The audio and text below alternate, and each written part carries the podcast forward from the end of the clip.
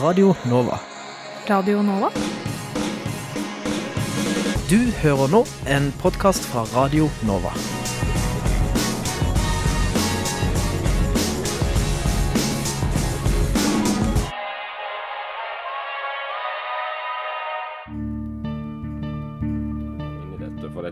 For det hadde vært siden eh, Noam Chomsky etablerte den greina lingvistikken som, som jeg befinner meg i. Vi håper jo på bredest mulig oppslutning om SV, og jeg tror at det eneste som kan få norsk løsner båndene mellom staten og kirka, og forhåpentligvis fører til tettere bånd mellom kirka og folk. Så hadde de gjort som andre frigjøringsbevegelser i verden, hadde de helt legitimt kanskje tatt i våpen. Og så direkte skildring av menneskeskjebner tror jeg ikke vi har sett i noen annen nyhetsdekning av noen annen terroraksjon. Det er såpass store forskjeller mellom den kalde krigen, hvor det var to supermakter som sto mot hverandre, eh, og den situasjonen vi har i dag.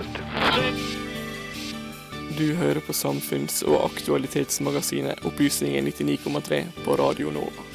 Opplysningen 99,3 på Radio Nova. Norske jagerfly spilte en avgjørende rolle da al-Gaddafi-regimet falt for snart fem år siden. Nå krever Norges fredsråd en granskning av Norges militære bidrag i intervensjonen av Libya. Stopp tvangssteriliseringen av transpersoner. En parole fra en gufsen fortid, lurer kanskje du. Fortsatt må transpersoner i Norge sterilisere seg om man vil skifte juridisk kjønn. Først i fjor ble den islamske staten IS et navn man ikke kom utenom i nyhetsbildet. Og siden har den ene mer grufulle, grufulle nyheten etter den andre fortsatt å strømme på. Men hvor kom egentlig IS fra? Feriestasjon har en innvirkning på den enkelte nordmanns selvfølelse og identitet. De sliter, og de har ikke råd til å betale eh, markedspriser for, for gassen. Akkurat nå hører du på Radio Novas samfunns- og aktualitetsmagasin, Opplysningen 99,3.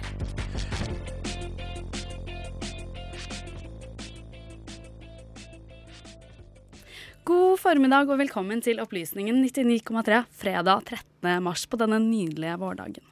Vi er altså Radio Novas samfunns- og aktualitetsmagasin, og vi gir deg dyptpløyende analyse, bakgrunnsstoff og debatt. Både fra aktuelle saker, men gjerne også fra de sakene som har falt litt ut av medias hektiske søkelys. I sendingen skal vi også spørre om politiet kan målstyres. Mitt navn er Signe Grape. Radio Nova.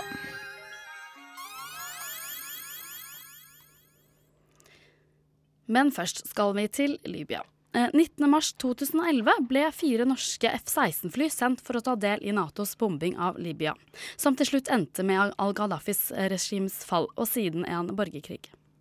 Beslutningen ble tatt av et samlet storting, inkludert SV, basert på en resolusjon i FNs sikkerhetsråd.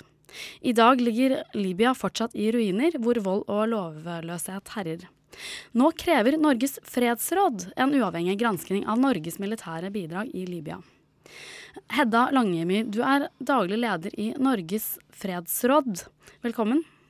Og med, og med oss har vi også Jon Peder Egenes, generalsekretær i Amnesty.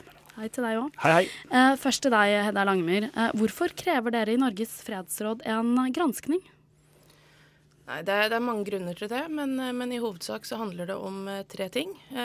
For det første så, så var beslutningsprosessen utrolig mangelfull. Uh, den var veldig lite demokratisk uh, forankra. Um, altså, som mange vet nå, så ble jo den avgjørelsen tatt per SMS og, på telefon blant veldig få utvalgte politikere. Vi mener jo i prinsipp at alle beslutninger som, som, går på liv og, og, død, og som handler om, om kriging og bombing, skal skje i et samla storting. Altså at man skal sikre at det er en ordentlig demokratisk forankring når vi fatter så alvorlige beslutninger. Det andre... Men dette hastet jo veldig. Man mente at al-Gaddafi var ved å begå et folkemord. Ja, noe som i senere tid har vist seg å være veldig feil. Så, så, vi hadde jo ikke den dokumentasjonen på plass som eh, var nødvendig for å, å, ta disse beslutningene heller. Eh, vi tok beslutningen på antagelser om at det var et eh, kommende folkemord, noe som viste seg å ikke være tilfellet i ettertid. Videre så var vi utrolig aktive, veldig ivrige i bombinga. Vi var jo blant de som bomba aller mest. Um, og så var det jo da også første gang at dette uh, R2P, Responsibility to Protect, ble praktisert.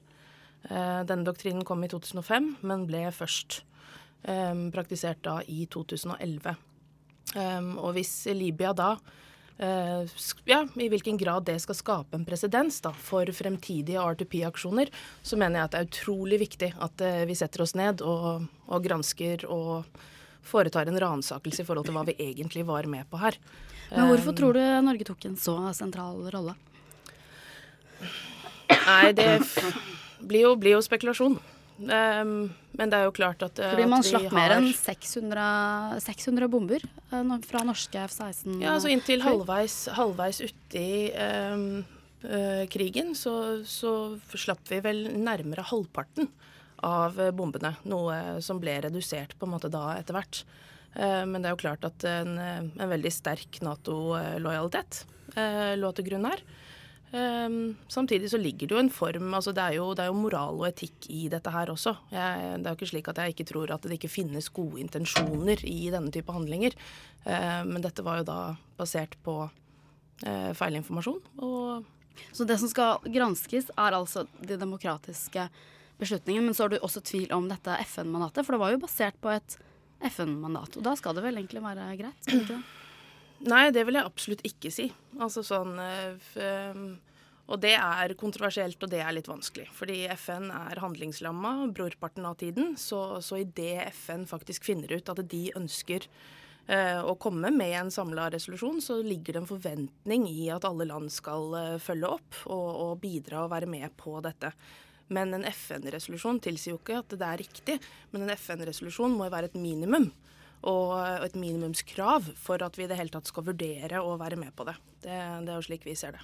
Eh, Jon Peder Egnes, dere i Amnesty er vel i prinsippet eh, for eh, humanitære intervensjoner. Er, er, dere enige i at en slik eh, gransking er påkrevd? Eh, svaret på det siste er absolutt ja. Eh, og vi er heller ikke i prinsippet for humanitære intervensjoner. vi kan akseptere det under gitte omstendigheter, og, og, vi kan til og med be om det under gitte omstendigheter. Men i utgangspunktet så, så er vi jo ekstremt opptatt av at dette skal være det aller, aller siste tiltaket som, som eventuelt må iverksettes.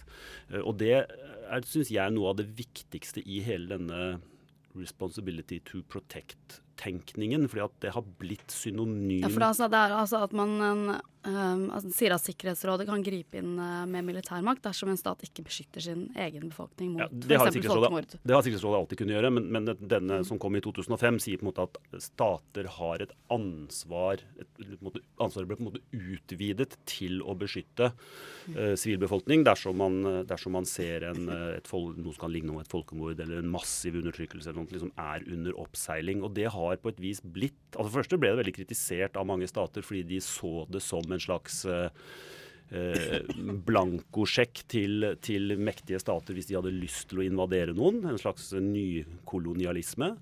Eh, og så har det på et vis blitt synonymt med at det, er det, eneste, det eneste tiltaket man har innunder dette er R2P, det er militær intervensjon. Men det har aldri vært intensjonen. Intensjonen har vært at man kan ha mange, mange tiltak man kan sette i gang dersom man ser at Eh, at, denne typen brutalitet er under oppseiling. Og det er det ingen som snakker om. Ingen som fyller det begrepet med annet innhold enn militær intervensjon. Men, eh, for, at, dette skulle, ha mening, måtte, måtte ha et tidlig varslingssystem. Altså, det, hvordan ser man på verden? Hvordan, hvordan beslutter man, eller hvordan eh, kommer man fram til at nå er noe under oppseiling? Hvis man ser det, på et tidlig tidspunkt, hva gjør man da? Hva gjør man med våpenhandel? Hva gjør man med eventuelt smarte eller mer omseggripende sanksjoner. Hvordan setter man inn eh, krefter for å overbevise de makthaverne som er i ferd med eller man tror kan komme til å begå store overgrep. Hvordan, hvordan jobber man med dem før man kommer til det punktet at, at man liksom kaster opp hendene og sier nei, vi får bare bomme dem bort, som man gjorde i Libya. Men ikke, var det det man gjorde, at vi får bare bomme dem bort? Altså, Er det så, eh, så enkelt? Man, det er enkelt å si nå. Det er jo enkelt å si. Altså At man, eh, det gikk som det gikk. Og, ja, altså jeg, jeg, det, det og sivile situasjoner har blitt uh, veldig mye verre. Men man trodde jo oppriktig at man sto foran et folkemord. Ja, ja, altså Det som var unikt i situasjonen i Libya, det var uh, for det første at uh, man fikk med de arabiske landene på dette, og at Sikkerhetsrådet faktisk gjorde et vedtak om det. det og dermed er det lovlig, for å si det sånn. ikke sant? Men men det er jo som, som Hedda også sier, hva, hvor god var analysen i bakgrunnen? Hvilke andre tiltak vurderte man før man gikk til det skrittet å bombe? Og det som jo har vært tror jeg det veldig ødeleggende i dette, det er jo at særlig Kina og Russland føler at de ble lurt til å være med på et bombetokt som egentlig hadde til hensikt å fjerne Muammar Gaddafi, ikke å beskytte sivile. Eh, noe som gjør, tror jeg, at uh, freds, altså Fredsrådets frykt for at dette skal stille presedens, den tror jeg ikke er så veldig stor. fordi at jeg tror Kina og Russland i hvert fall sånn som den geopolitiske situasjonen er nå, kommer aldri til å være med på noe sånt igjen. Så Sånn sett har det for så vidt også uh, vært ganske ødeleggende for handlekraften til, til Sikkerhetsrådet. Ja, Langemyr, Var dette et eksempel på hva skal man si, ny kolonialisering og lureri? Ble man lurt inn i dette fra Norges side? Nei, det, det er på en måte ikke en retorikk jeg, jeg beveger meg helt inn på. Eh, men det er som Jon Peder sier, altså, det ble gjort et vedtak om en flyforbudssone. Eh, og på en måte å tolke det til inntekt for massiv bombing og eh, påfølgende regimeskifte er relativt kontroversielt.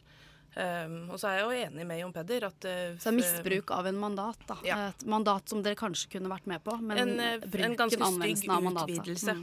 av uh, mandatet. Ja. Og, um, og det, det, er jo klart at uh, den type mandat gir jo rom for tolkning, men, men, jeg tror, litt som Jon Peder var inne på, at Russland og Kina ble litt lurt, rett og slett. Hva slags um, andre interesser kan man ha hatt? Altså, man klarte jo da å å avsette eller rett og slett drepe al-Gaddafi. Um, han, uh, og man endret uh, regime. Tror du det var noe man egentlig ønsket? Ja, jeg tror regimeskiftet var en av primærgrunnene. Og andre uh, interesser? Olja, det er et oljerikt land. Det er veldig, veldig mange ting dette mm. kan ha handlet om, men regimeskiftet sto absolutt uh, sentralt. Og det har man jo selvfølgelig da fått til, men situasjonen i dag er at man sitter med to parallelle regjeringer. Man sitter med nærmere 2000 uh, militsgrupper. Man sitter med en våpenflyt som er uh, helt vanvittig. Uh, og vi ser en humanitær krise med altså 300 000 flyktninger. Nesten 200 000 båtflyktninger eh, som søker havn i, eh, i Italia liksom per, per dags dato. Um, så, så, jeg vil jo si det er helt åpenbart at dette her har vært eh, feilslått. Og, og, derfor så er det utrolig viktig eh, at vi setter oss ned og, og foretar en ransakelse av eh, vårt eget engasjement. Ok, men eh, okay, vi er alle enige om, og nå med fasiten foran oss, så vet vi at det gikk ikke bra med Libya. Vi har snakket om Libya og og, den eh, ja, staten som har uh, spilt uh, fallitt her i studio før. Men OK, hva, nå skal vi granske. Hva, men hva er det vi ønsker oss? Hva er på en måte prinsippene uh, for hva skal man si, intervensjoner da, for fremtiden? Hvis jeg hadde fått lov til å bestemme, så, så, er jo klart at det at det ligger et FN-mandat i, i bunn, er, er veldig viktig. Når det FN-mandatet først foreligger, eh, så bør det fattes en beslutning i et åpent eh, storting eh, for å sikre den reelle demokratiske forankringa. Og så må vi jo jevnt over få opp den utenrikspolitiske bevisstheten i befolkningen. Altså en, en opinion som har litt sterkere og klarere meninger om hvem vi er og hvem vi bør være. Eh, kriteriene for å gå til krig. Altså Som Jon Peder var inne på, altså krig er siste utvei. Altså Hvilke andre løsninger er det som finnes? Ja, eh, hvordan, altså, for intervensjon det er dere ikke imot, men altså, det er den militære delen. Hvordan annen måte kan man gripe inn når det haster så innmari som det gjorde for Libyas del? Det er et vanskelig spørsmål som, som også er eh, vanskelig å, å svare på. Uh, du har jo selvfølgelig eh, du har boikott. Altså du, eh, du, har eh, andre typer økonomiske og andre sanksjonsmuligheter. Du har naturlig nok dialog. Selv om veldig mange vil hevde at dialog er noe ja, som tar folke, litt for lang tid. Så vidt jeg vet, så Folkemordforskningen sier vel at det eneste måten å stoppe et folkemord som er i ferd med å skje, det er militær inngripen. Ja, ja, nei, altså, jeg, det, det, er noe med det som jeg sa i sted. altså hvis man ser på det som skjedde i Libya, så kan man tro at eh, Muammar Gaddafi var en veldig ålreit statsleder fram til 2011, og da ble han klin gæren, og så måtte vi bombe han. Mm. Uh, Muammar Gaddafi unnskyld uttrykket, har vært klin gæren veldig, veldig veldig lenge, og uh, utenverdenen har ikke brydd seg, fordi han plaga bare libyere. Uh, men vi var veldig opptatt av at han skulle holde flyktninger fra Afrika unna Europa. Vi var veldig opptatt av oljen hans. Vi var mer og mer opptatt av å drive business med ham på forskjellige måter. Denne typen hendelser i, i, stater som er ledet på den måten Libya ble ledet på, er historien om varslet, en varslet katastrofe. Så hvis man hadde begynt å jobbe systematisk i forhold til å påvirke Muammar Gaddafi for, for, min del, helst å gå av, men i hvert fall til å endre hvordan han drev landet lenge, lenge før 2011, så hadde vi kanskje ikke vært i den situasjonen vi er nå. Eh, vi aksepterer som verdenssamfunn eh, diktatorer fordi de bringer hevder man stabilitet. Og så får man på en måte bevist det når vi ser det som skjedde i Libya. For når Muammar Gaddafi er borte, så er det totalt kaos. Men det kaoset er jo skapt av den måten han ledet Libya på i mange, mange år. Eh, og satte folk opp mot hverandre, undertrykte noen, ga andre fordeler osv. Så osv. Så sånn at vi, vi, må på en måte komme bort fra at vi hele tiden bare diskuterer siste utvei. Jeg er helt enig, og Folkemordskommisjonen sier jo det. At liksom, da har man til og med en plikt å gripe militært hvis man ser at det er et folkemord som, som er under oppseiling. Men vi er helt nødt til å, å skape et verdenssamfunn hvor man er, tar inngrep med disse tingene før det kommer så langt uh, at det går uh, så galt som det har gjort i, i Libya. Og vi, og vi, har andre situasjoner som, som er åpenbare trykkokere som vi bare lar stå der og putre på kjelen. La oss ta Irak som et eksempel. Der har USA og mange andre i verdenssamfunnet vært inne i årevis, altså siden 2003. Eh, de har sittet og sett på etter hvert som makten ble overført til den irakiske regjeringen, at det shia-muslimske flertallet har undertrykt det sunni-muslimske flertallet grovt. Vi har nesten ikke hørt om det i utenverdenen. Så kommer det til et punkt hvor plutselig, og man skal ikke la seg lure, det skal dere snakke om etterpå, tror jeg, eh, hvor IS faktisk har en god del støtte hos i den sunnimuslimske befolkningen, for de beskytter i hvert fall dem mot shia-muslimene. Eh, og så er vi, hvor er vi nå? Jo, nå er vi at nå er, måte, nå er det en moralsk trøkk i opinionen rundt omkring i verden, fordi vi ser folk bli halshugget på TV og på internett og sånn hele tiden, uh, at nå må vi, nå må vi liksom gripe inn militært overfor IS. Så, så, vi lar disse situasjonene utvikle seg. Men Er du også enig at det, det handler om en manglende utenrikspolitisk uh, altså, debatt og nærmest kultur uh, i Norge? Altså Jeg vil jo ha utenrikspolitisk debatt uh, hvert sekund hele tiden, alltid. Så, så det kan gjerne være. Men, men, men det, handler om, det, handler om det, det, det, dypest sett handler om, tror jeg, det er at stater sitter og ta, ivaretar sine egne interesser og gir blaffen i sivilbefolkningen i land etter land, og skaper situasjoner som til slutt eksploderer. Uh, Langmyr, dette antar jeg du stort uh, vil være ganske enig i. Men dette er, forslaget om gransking er jo egentlig en relansering av forslaget om gransking som dere hadde tilbake i 2000. 2013, men fikk da åpenbart ikke gehør. Hvis dere får til nå da en, en eh, gransking, hva, hva, skal skje uh, med den? Hva skal være resultatet? Skal noen Nei, nå... uh, bli syndebukker? Skal noen Nei, altså plassere, plassere, ansvar og skyld er jo én bit av det, selvfølgelig. Men, men nå har jo regjeringa nedsatt en uh, uavhengig komité for å, å, granske Norges Afghanistan-engasjement. Altså uh, gjennom de siste snart 15 årene.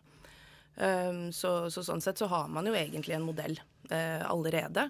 Um, komiteen består av ja, primært forskere, uh, akademikere uh, og folk med, med, god ekstensiv innsikt i, i militærengasjementet. Så jeg tenker at i, i, utgangspunktet så, så, vil ikke vi kreve noe mer eller noe, noe annet enn det. Eh, men for oss er det viktig at det ikke er Forsvaret som gransker seg selv, at ikke det er forsvarspolitikerne som gransker sine egne eh, beslutninger, men, eh, men at dette skjer på uavhengig grunnlag. Veldig kort ja. slutt. Nei, altså, for meg blir det sånn at Hvis man er imot å granske noe sånt, så, så er det et tydelig signal om at man har noe å skjule. Altså, Det er helt åpenbart at vi er nødt til å granske når vi er med i noe så voldsomt som en krig. For at vi ser jo at, at forespørselen om å bli med på nytt og på nytt kommer igjen og igjen og igjen. Hvis, igjen, ja. og hvis vi ikke lærer av det vi har gjort, hvis vi ikke mm. vil det, så er det mye som tyder på at vi har noe å skjule. Og hvis vi mener at dette skal være demokratisk forankret, så må vi, såkalte vanlige folk, få vite hva vi har vært med på, og kunne ta politisk stilling til det eh, hvis vi blir bedt om å gjøre det igjen. Og, og, og jeg, for meg er det helt ufattelig at man må ha underskriftskampanjer og, og den slags for å få eh, norske myndigheter til å granske seg sjøl. Bare for å ha lagt det på slutten, det er en hel del helt konkrete bombinger i Libya som Norge kan ha vært. Norge har vært veldig hemmelig om hvilke bombinger de var med på.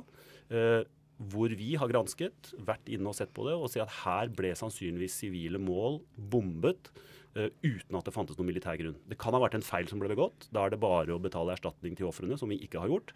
Eller det kan ha vært tatt beslutninger om å bombe ulovlige mål. Da er det noen som skal stilles juridisk ansvarlig. Så får vi se om det faktisk blir en granskning eller ei. Takk til deg, Hedda Langemyr, du er daglig leder i Norges fredsråd. Og takk til deg, Jon Peder Egenes, generalsekretær i Amnesty. Og Musikk er grunnleggende her på kanalen, også i Opplysningen 99,3. Helt fersk fra ukas A-liste. Um, fra opp- og kommende artister. Norske Burning God Little med 'Det er i mørket vi lyser'. Radio Nova. Radio Nova? Du hører nå en podkast fra Radio Nova.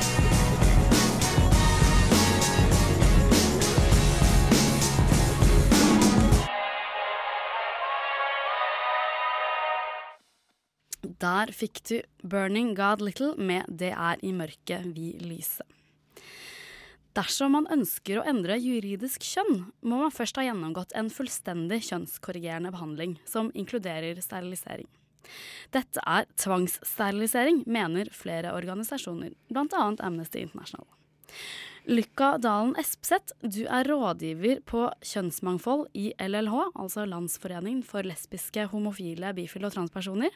Tar i tillegg en master i kjønnsstudier, og blogger på bestmedbart.no. Hei, velkommen. Ja, Hei, takk. Hei. Du er også, i tillegg til alt dette, skeiv, eh, aktiv i Ja, skeiv også, men aktiv er i. Skeiv Ungdom! altså ungdomsorganisasjonen til LLH. Eh, og sammen med Amnesty har dere siden 2012 fremmet et krav um, mot det dere kaller for tvangssterilisering, når man da altså må endre juridisk kjønn.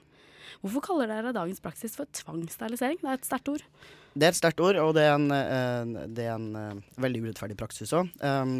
det vi tenker er at selvfølgelig det er ingen som tvinger deg ned på et operasjonsspor, men kriteriene eller de premissene som ligger til grunn, eh, gjør at det oppleves som tvang for veldig mange. For hvis du ikke går med på kastreringa, så får du heller ikke mulighet til å endre juridisk kjønn. Og det er jo en ganske grunnleggende rettighet å få lov til å være eh, borger av staten på en ordentlig og ryddig måte. Mm. Og, men kan du, hva, kan du si litt mer om uh, hva er uh, et juridisk kjønn? Ja, det, det er litt vanskelig å si, men nå er det nå i hvert fall sånn at man eh, eh, i Norge må eksistere som juridisk enhet enten som kvinne eller som mann, eh, og det innebærer en del rettigheter og plikter. Eh, I tillegg så er det synlig hvilket juridisk kjønn du har i personnummeret ditt og i alle identifikasjonspapirer du har. Um, så det har jo en del eh, konsekvenser for livet ditt. Ja, eksempel hvis man vil få barn, så vil jo en sånn sterilisering åpenbart være et problem, da. Ja, altså hvis du ønsker dine egne biologiske unger, så vil jo en kastrering innebære at du ikke kan det, Mm. selvfølgelig. Um, og ellers så finnes det jo medisinske komplikasjoner og risikoer knytta til all kirurgi. Mm. Men er det tredje kjønn man ønsker seg i passet, eller hvordan er det dere ser for dere at um, man helst bør løse dette? Nei, altså uh, um, De aller fleste transfolk har uh, identitet som enten kvinne eller mann, uh, så vi ønsker jo da å få enten kvinne eller mann som stemmer av med vår egen identitet. Og så finnes det en del folk som ikke identifiserer seg med, med kjønn eller som kvinne eller mann. Og da hadde det vært fint med en tredje alternativ, men sånn i første omgang så tenker jeg at vi må gi folk frihet til å få lov til å bestemme sitt juridiske kjønn selv. Så litt romsligere kjønnskategorier, da. Det, kan, liksom, det å være mann eller kvinne, det kan romme litt mer enn uh, det vi kanskje tenker på i utgangspunktet. Ja, selvfølgelig. Mm. Og det er jo et generelt eh, likestillingsspørsmål man burde jobbe for, tenker jeg. Men også, eh, kanskje litt dumt spørsmål, for oss som kun har eh, vårt eh, eget ene kjønn. eh, hva betyr det egentlig å være en transperson? Altså du er født som kvinne, og i dag er du da en transmann. Ja, jeg, jeg kaller meg transmann. Eller altså, jeg, primært kaller jeg meg mann, men jeg kaller meg transmann når det er relevant hva slags uh, type mann jeg er. Litt som at jeg også kan si at jeg er en hvit mann i enkelte settinger hvor jeg anser det for å være relevant. Um, uh, å være trans er, betyr bare at du har en annen kjønnsidentitet enn det folk forventer, ut ifra hvilket kjønn du ble tildelt fra fødselen. Uh, og jeg pleier ikke å si at jeg ble født som dame, jeg pleier å si at staten registrerte meg som dame da jeg ble født, og så stemmer ikke det. Fordi jeg er en fyr. Og når man gjør en sånn feil, som jeg mener at det er, så bør jeg få lov til å si fra om at det må man rette opp. Men skal da på en måte staten når man blir født, så skal man liksom vente til eh, personen får en slags eh, i egen politisk bevissthet eller identitet før man liksom spør dem hva føler du deg som? Føler I, deg som? I et idealsamfunn så hadde man ikke registrert folk eh, som juridiske enheter basert på kroppen deres. Eh, men, men i første omgang så tenker jeg at eh, man registrerer folk eh, som det skjønner man tenker at de er, og tror. Det er en godt kvalifisert gjetning. Det er riktig for den store majoriteten. Og så lar man dem som tilhører den minoriteten som, hvor, hvor registreringa er feil, få lov til å bytte. Hmm. Eh, Du har også deltatt, eller uh, vært med i en dokumentar, en P3-dokumentar som heter eh, 'Mann uten penis'. Mm -hmm. Der du på en måte kommer med mange tanker rundt uh, bl.a. kjønn og kjønnsroller. Hva betyr egentlig kjønn i dagens samfunn? Du må ikke spørre en person som driver og skriver master i kjønnsstudier om hva kjønn er i dagens samfunn. Hele din på eh, Eh, et halvt minutt, takk. Ja. Eh, nei, altså, kjønn er jo veldig mye. Altså, det er, det er forventninger, tenker jeg mm, først og fremst. Eh, Forventninger til utseende, forventninger til kropp, forventninger til hvordan man skal oppføre seg. Eh, det handler om juridiske rettigheter, hvordan man er juridisk registrert. Ja, det handler om identitet og hvordan man føler seg. Hva man har uh, lyst til å uttrykke, hvordan man har lyst til å kle seg, hva man har lyst til å gjøre. Uh, hvem man har lyst til å ligge med, og hvordan det foregår. Og så finnes det jo et sånn lite element av reproduksjon en annen plass inni det kalaset vi kaller kjønn, men det syns jeg ikke er så viktig. Ja, det betyr, kjønn betyr altså for mye. Ja. Men, men tilbake til på en måte alvoret i eh, høyst alvor i, i saken. Tvangssterilisering. Er virkelig alle partiene på Stortinget enig i denne praksisen? Eh, Hvorfor er det sånn i dag? Det slår meg. Ja, eh, det er, det er litt fordi vi i Norge har en sånn tanke om at ting bare har en sånn naturlig progresjon. At ting bare skjer av seg selv, og at vi liksom eh, i det her progressive, likestilte landet vårt bare har fiksa på alt som er dårlig. Men ting fikser seg ikke av seg selv, så noen må si fra og, og kjempe en rettighetskamp. Og det har skjedd sei- seint for transfolk, og det er fordi vi er en, en veldig liten gruppe, og en helt utrolig sårbar gruppe. Eh, Utsatt for diskriminering. ja, eh, i ekstrem grad. Um, og veldig mye folk føler seg veldig dårlig selv, fordi man ikke blir anerkjent som det skjønner man føler seg som. Uh, og veldig mange er stille, rett og slett. Altså sånn, jeg kunne jo valgt å bare holde kjeft, på en måte, uh, og leve livet mitt lykkelig som mann, og så kunne alle sammen bare tenkt at, at jeg var en helt hermetegn, vanlig hermetegn slutt fyr. Um, og det har veldig mange folk valgt å gjøre, så derfor har ingen kjempa kampen vår. Men er det noe som vil dette endre seg? Dere no, nok en gang gikk med paroler i uh, 8. mars. Ja, ja, herregud. Vi er jo en eh, eh, kjempevoksende bevegelse, og det har blitt en helt syk oppmerksomhet rundt det her uh, i de senere årene i norsk samfunn i forhold til hva det har vært før. Nå er det i hvert fall noen som vet at denne praksisen finnes. Det visste man jo ikke, og den har jo eksistert i, i over 50 år. Um, så um, ja.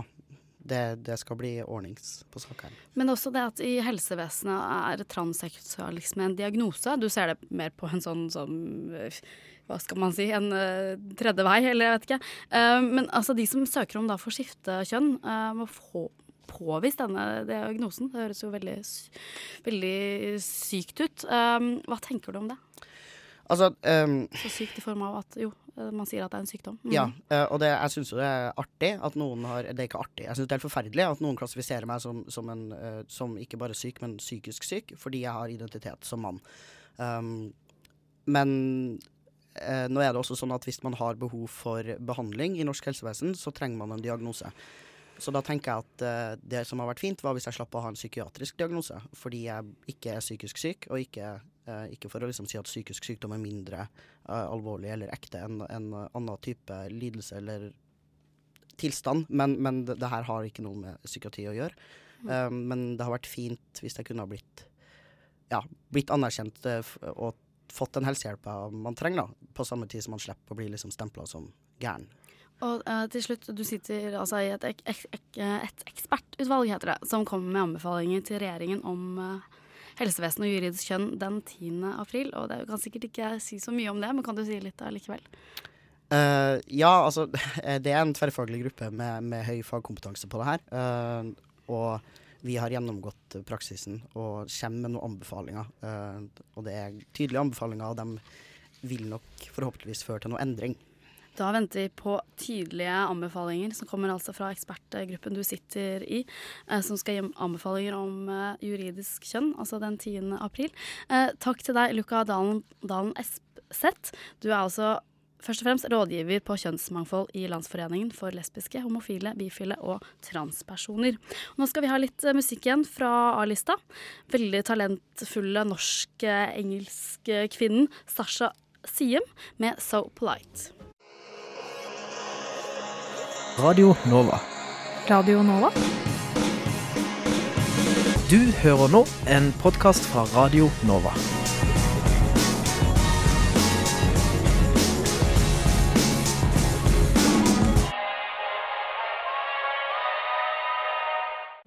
Og nå skal vi spørre oss om um, politiet kan målstyres. Uh, vi har lånt en reportasje fra et naboprogram her på kanalen. Kapitalen heter det. Uh, og reportasjen er lagd av Ola Solheim.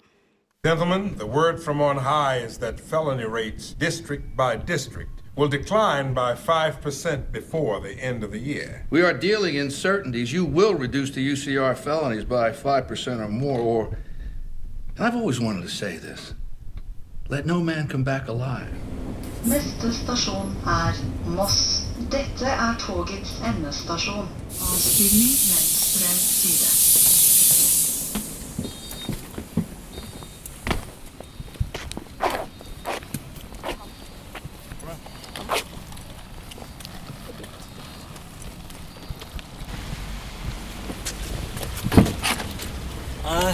Hallo. Ja, Ola. Erik. Hyggelig. Sette seg nye politibilen, altså. Mens jeg sitter i Teslaen på vei til Villmann, kan jeg fortelle litt om hva vi er her for å snakke med han om. Du fikk i starten her høre et lite utdrag fra TV-serien The Wire. Jeg satt og så på den episoden på toget på vei til Moss. For den serien den tar i veldig stor grad for seg det vi er her for å snakke om, nemlig målstyring i politiet. Utdraget var fra møtet mellom politisjefene og politimestrene i Baltimore, som lenge var USAs voldeligste by. I klippet kommer det tydelig fram at ledelsen forventer at de ulike distriktene skal få ned kriminalstatistikken, koste hva det koste vil. Grovt sagt er dette målstyring. Du har øverste hold, som ofte er politiske innsatser, som setter et mål.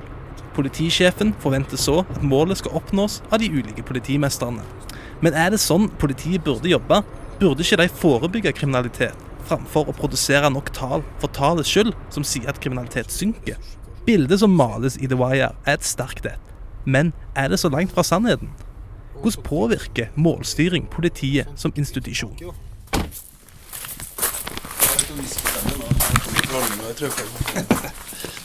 For radio, det, vet du. Kjent så riktig bra å få på radio.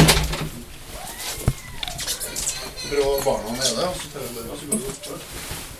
Det første innslaget av målstyring i etaten vår kommer med eh, kommer jo med tildelingsbrevene fra justis. Hva er tildelingsbrev? Eh, Når man fordeler statsbudsjettet, eh, så kommer det ut eh, f.eks. politikapitlet 44 kommer med en del føringer. Gjør det. Eh, Spore en par år tilbake i tid, når, når eh, Killengren ble intervjua etter 22.7, eh, så sa, påpekte hun at en av problemene var at det kom med, til, med tildelingsbrevene fra justis og ned til POD. Så Kilgren var jo eh, politidirektør den gangen. så POD eh, kom det over 120 mål og delmål eh, som hun skulle styre virksomheten etter. Allerede fra politikere. Altså på en måte ikke aldri har, eller har for lenge siden jobba i politiet. De bestemmer 120 ting, da. Ikke sant? Hvordan politiet skal drive virksomheten sin. Ok, for å oppsummere målstyring i det norske politiet, kan dere se for dere den klassiske næringspyramiden. På toppen er det Justisdepartementet, som tildeler politiet 120 delmål. Disse delmålene havner så i fanget til Politidirektoratet, også kalt POD, som er nummer to i næringskjeden. POD har så sine egne delingsmål og satsinger som pålegges politimestrene i alle landets distrikter. Under politimestrene og nederst på næringspyramiden finner vi politibetjentene. De må forholde seg til de 120 delmålene fra justis, delmål og satsinger fra POD, og sin egen politimesters lokale vurderinger og satsinger. Men hva gjør alle disse målene og forventningene med politiets arbeidshverdag? Politimesteren sliter med å få ordentlig styringsrom. eh, Fordi at han er pålagt en del ting. Men så blir det enda verre ut. da. Jeg kan ta et eksempel. Eh, som ordensforstyrrelsessaker. Så har du eh, Det kan være støy i taxikøer, eller overstadig bruselse, eller offentlig urinering, eller masse sånne ting da, som man definerer inn under de bestemmelsene. Hvor man har eh, hjemmel til å skrive anmeldelse og bøtelegge og sånne ting. Sant? Men ofte Det beste politiarbeidet er også å få personen på, på, på rett kjøl, eller i en taxi, eller eh, hos en kompis, eller få den ut. Sant? Så ikke blir det mer krøll. Og så er han veldig fornøyd med hvordan politiet gjør jobben, og så slipper politiet å bruke masse tid på papirarbeid og opprette anmeldelse og ja, ressurssluk til sant, for en liten filleting. Altså, hvem har ikke ramla ut på fylla, for å si det sånn? Og det mener jeg at Som fagperson så vet man det, og så innretter man seg deretter når man er ute og patruljerer. Eh, likevel så har man et måltall på det. At i løpet av en viss periode så skal man ha så og så mange eh, sånne saker. Man skriver anmeldelse på så og så mange sånne saker. Fordi at de på toppen skjønner at det er viktig for å forebygge kriminalitet. Men det som da skjer, er at du får en dreining. da Istedenfor å gjøre godt politiarbeid. eh, Henvise folk til taxikøer, eller få det i en taxi, eller kjøre det et kvartal bort, eller ringe en venn, eller ikke sant. Eh, Sånn. Hvor den eh, eh, som har ramla utpå og våknet opp om morgenen og var veldig glad for at han møtte godt, eh, fornuftig norsk politi og alt det der, så får man, eh, blir man pga. martallene på en måte styrt mot det og så opprette sak da, og anmeldelse og bruke masse tid på det, og han får et negativt inntrykk av politiet. Politiet kunne ha brukt tida si på noe annet. Sant? Så bare, bare det der måleparameteret gir et feil initiativ. da. Men dere får fin statistikk til gjengjeld? Ja, vi har jo, eh, hvis man er flink til å ta sine sine sånn ordensforstyrrelsessaker hver måned, så får man jo grønne, fine tall i PSV, som har gjort en god jobb. Men kan det ende opp i sånne situasjoner der en tjenestemann har si, vært litt slakk i tre uker, Altså innser han shit, jeg har masse delmål jeg må oppnå. Nå må vi ut og finne noen som gjør ugagn. Kan den situasjonen oppstå i Norge? Ja, jeg er glad du, du, glad du spør. Jeg har jo konkrete eksempler på det. Det er ikke det at han har vært slekk, men han har fokusert på å gjøre godt politiarbeid. Han har gjort det som er viktig på patrulje den dagen. Tatt seg god tid til å gjøre en god jobb kvalitetsmessig. Satse på forebygging og alt det der. Og så begynner det å dra seg til mot eh, slutten av den måleperioden, og så får man beskjed fra, fra ledelsen om at nå ligger du tolv sånne saker etter skjema, og så må du ut og lete etter dem. Og det har jeg ordens, altså politibetjenter som har sagt til meg at det har de vært ute og gjort. Og klart, da har det bart galt av sted. Ja, for du kan, du kan finne ting hvis du vil finne ting. Ja, ja, klart det. så... jeg er ikke i tvil om at en, øh, en oppegående politimann kan rusle gjennom uh, Oslo sentrum og omtrent pågripe så mye folk han vil. Sant? Eh, Men det er jo det også Ja, for jeg så i VG her om dagen at antall ran i Oslo i oktober er redusert til en fjerdedel sammenlignet med samme måned i fjor, og antall anmeldelser har gått ned 12,8 Er ikke det bare bevis på at målstyring funker nå for politiet? Det er jo fristende å si ja, eh, og det er fristende å være veldig kritisk akkurat nå, men jeg har ikke gått og sett bak de tallene. Det er jeg ikke. Klart det at antall anmeldelser, eller antall Så Altså vi sjølanmelder jo, politiet anmelder også. Det at anmeldelser går ned, eh, er jo nærliggende å tro at det er fordi at kriminaliteten har gått ned. Men det kan også være sånne enkle ting som at det har vært så redusert bemanning på gata at politiet har ikke tatt tak i ting. Da, og da går tallene ned. Problematikken med målstyring kan brytes ned til et spørsmål om kvantitet over kvalitet. Er det sånn at lovens lange arm skal arbeide ut fra intuisjon og en forebyggende mentalitet, eller slavisk opprettholde statistikk som kreves fra toppen? 22. juli-kommisjonens politirapport kom med konsulentkostnader på godt over 10 millioner kroner. En sum som er beskjeden om vi ser på politiets totale konsulentutgifter, som minst trenger en null til før vi kan sette strek under regnestykket. Er politiets arbeid noe som kan brytes ned til et mattestykke? Noe vi i stor grad gjør med målstyring. Problemet som summa summarum er at eh, man, man premierer sånn fokus på kvantitet, og det vil gå på, på bekostning av, eh, av kvalitet. Og, og fokuset på det som kan måles, går på bekostning av ting som ikke kan måles. F.eks. de to viktigste tingene til politiet. og Det er forebygging av kriminalitet. Kan vi ikke måle. Og det er beredskap. Vi kan ikke måle hvor god beredskap det er i Oslo nå. Villmann forteller om Manglerud politistasjon, som gjennom mange år har levert solid forebygging opp mot barn og ungdom. Fra 1. april i år måtte de i stor grad kutte ut forebyggingen på fredag og lørdag kveld. fordi det fra politisk hold kreves en styrking av den ordinære ordenstjenesten i helgene. For aktiv målstyring kan ofte bli redusert til et desperat forsøk på symbolpolitikk, og hvor politikere i valgkamper og i strategier ser det gunstig å ha noe statistisk som taler deres sak. Men til tross for en stadig redusering i antall delmål fra Justisdepartementet, mener Wilman at man ikke kan basere seg på et system som får 50 ut av alle, hvor man med større grad av frihet i jobben kanskje kunne fått 100% ut av arbeidsstokken. Det må, det må, det må gjøres noe. Vi ser at det er en liten glidning, så får vi ta det derfra. Hva er neste steget ditt for å få det på glid? Jeg tror det er viktig å fortsette å gjøre sånn som vi gjør her i dag. da. At man får, får opp sånn som du sier BI-studentene, som de gjerne har studert litt organisasjon og ledelse og sånn. Når ikke de vet hva måltallsstyring er og, og hva fellene er i det. da. Så har man en vei og befolkninga òg må, må, få vite om det. Så det liksom handler litt om å utdanne alle sammen. Få, få opp øynene for, for positive og negative sider med forskjellige typer å forvalte offentlig sektor på. Jeg har en oppfordring til BI-studentene. Ja, les litt. Radio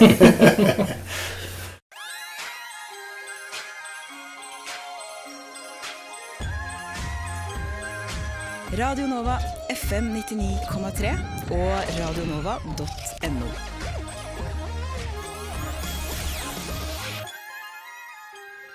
Det var Ola Solheim fra Kapitalen, et annet samfunnsprogram her på kanalen, som hadde lagd reportasjen. Nå skal vi til uh, IS, uh, siden terroristgruppen IS, som har erklært sin egen islamske stat i, Irak og Syria, også kjent som ISIL eller uh, ISIS, for alvor dukket opp på forsiden i fjor, fortsetter de å prege nyhetsbildet og den utenrikspolitiske agendaene. Vi hører daglig om angrep, fremrykk og makabre henrettelser. Men bakgrunnen for denne gruppen og deres hensikt er kanskje fortsatt litt uklar for mange av oss. Hvor kommer egentlig IS fra? Kadafi Saman, du er journalist i TV 2, har bred erfaring som utenrikskorrespondent. Velkommen. Takk skal du ha. Ok, Vi kan først begynne å spørre oss, prøve å forstå hvor kommer IS fra? Dukket de liksom opp fra intet i fjor?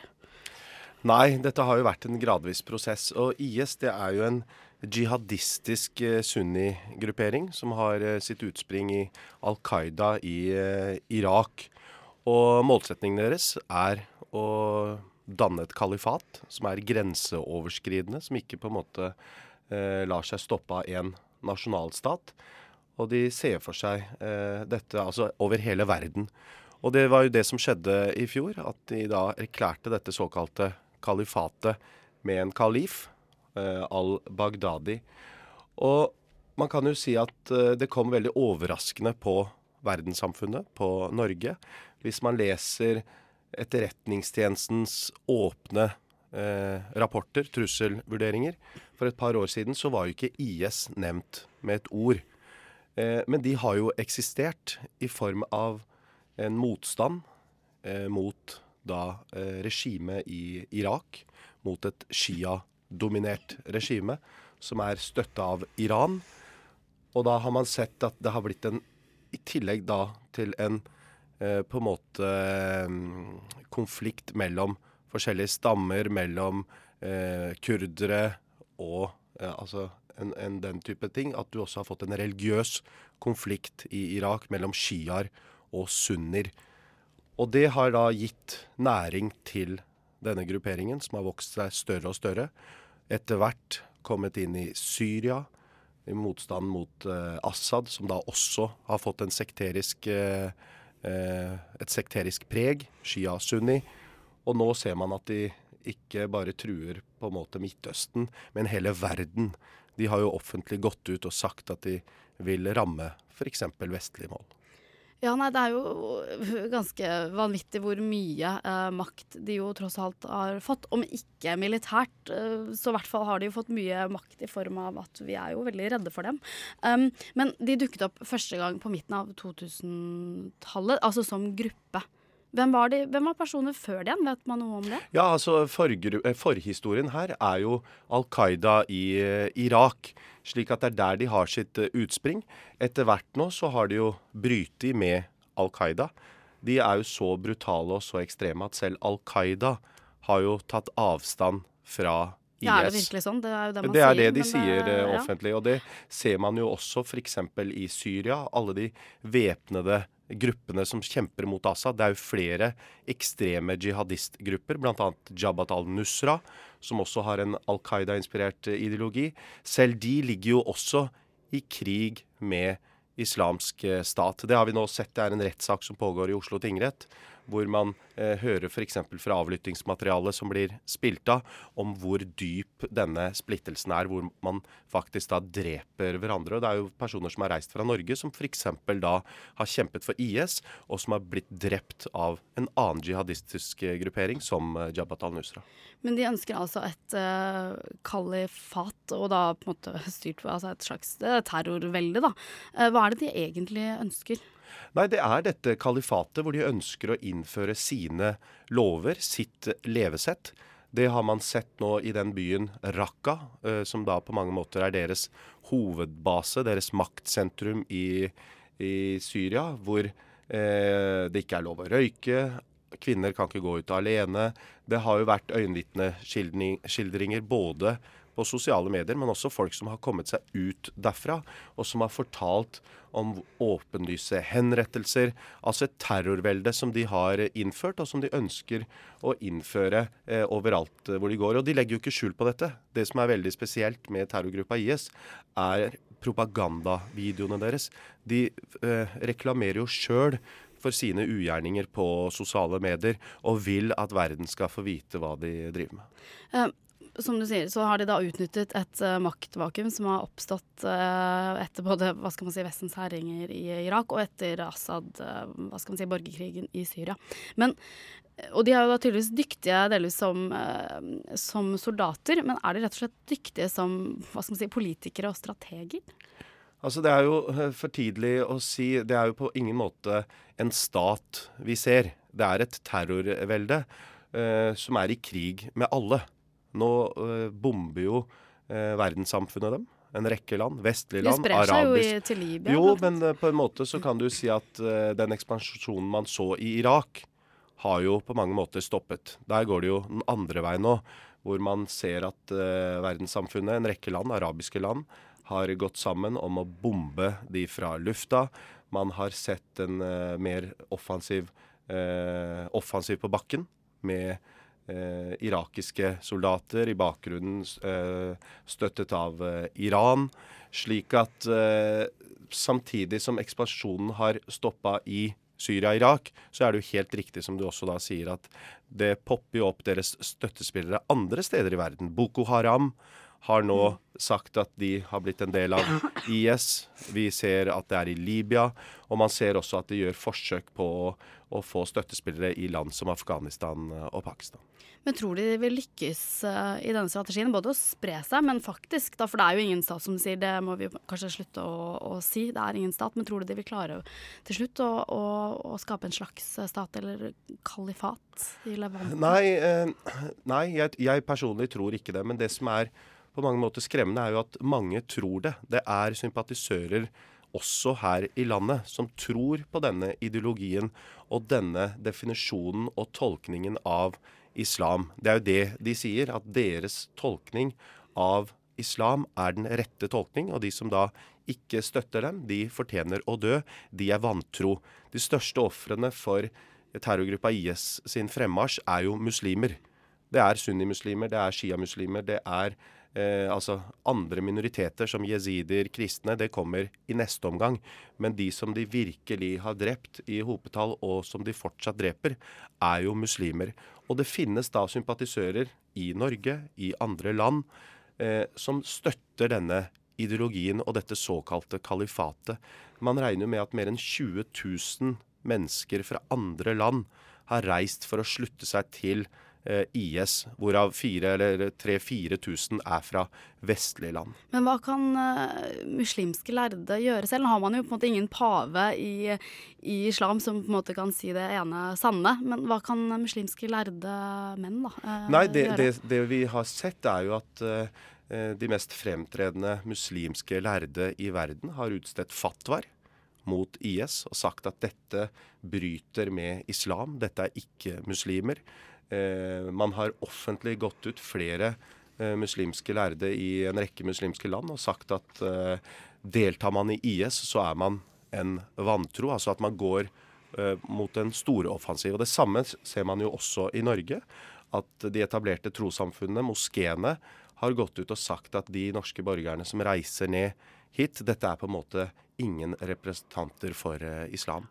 Og det blir nok eh, dessverre ikke det siste vi hører om IS eh, i eh, nyhetsbildet. Takk til deg, Kadafi Saman, for at du kanskje gjorde det litt klarere for oss. Du er altså journalist i TV 2. Eh, og det var det vi hadde denne uken. Det siste jeg skal gjøre, er å spørre om du, kjære samfunnsengasjerte lytter, har lyst til å lære deg å lage spennende debatt på radio. Opplysningen 99,3 er på jakt etter nye radiojournalister og programledere. Send oss en melding om du er interessert på vår eh, Facebook-side, Opplysningen 99,3, om du altså kunne tenke deg å bli med. Tekniker i dag var eh, Isak Ree. Eh, medvirkende til denne ukens eh, sending var Marit Fiksdal, Manvi Rogardi, eh, Hanne Olsen, og jeg heter altså Signe Grape. Hør oss igjen om en uke. Nå er også Soundcloud-kontoen vår oppe og går igjen. Vi legger ut ukens sending ja, innen hver mandag. Neste ut på kanalen er Nyhetsfredag.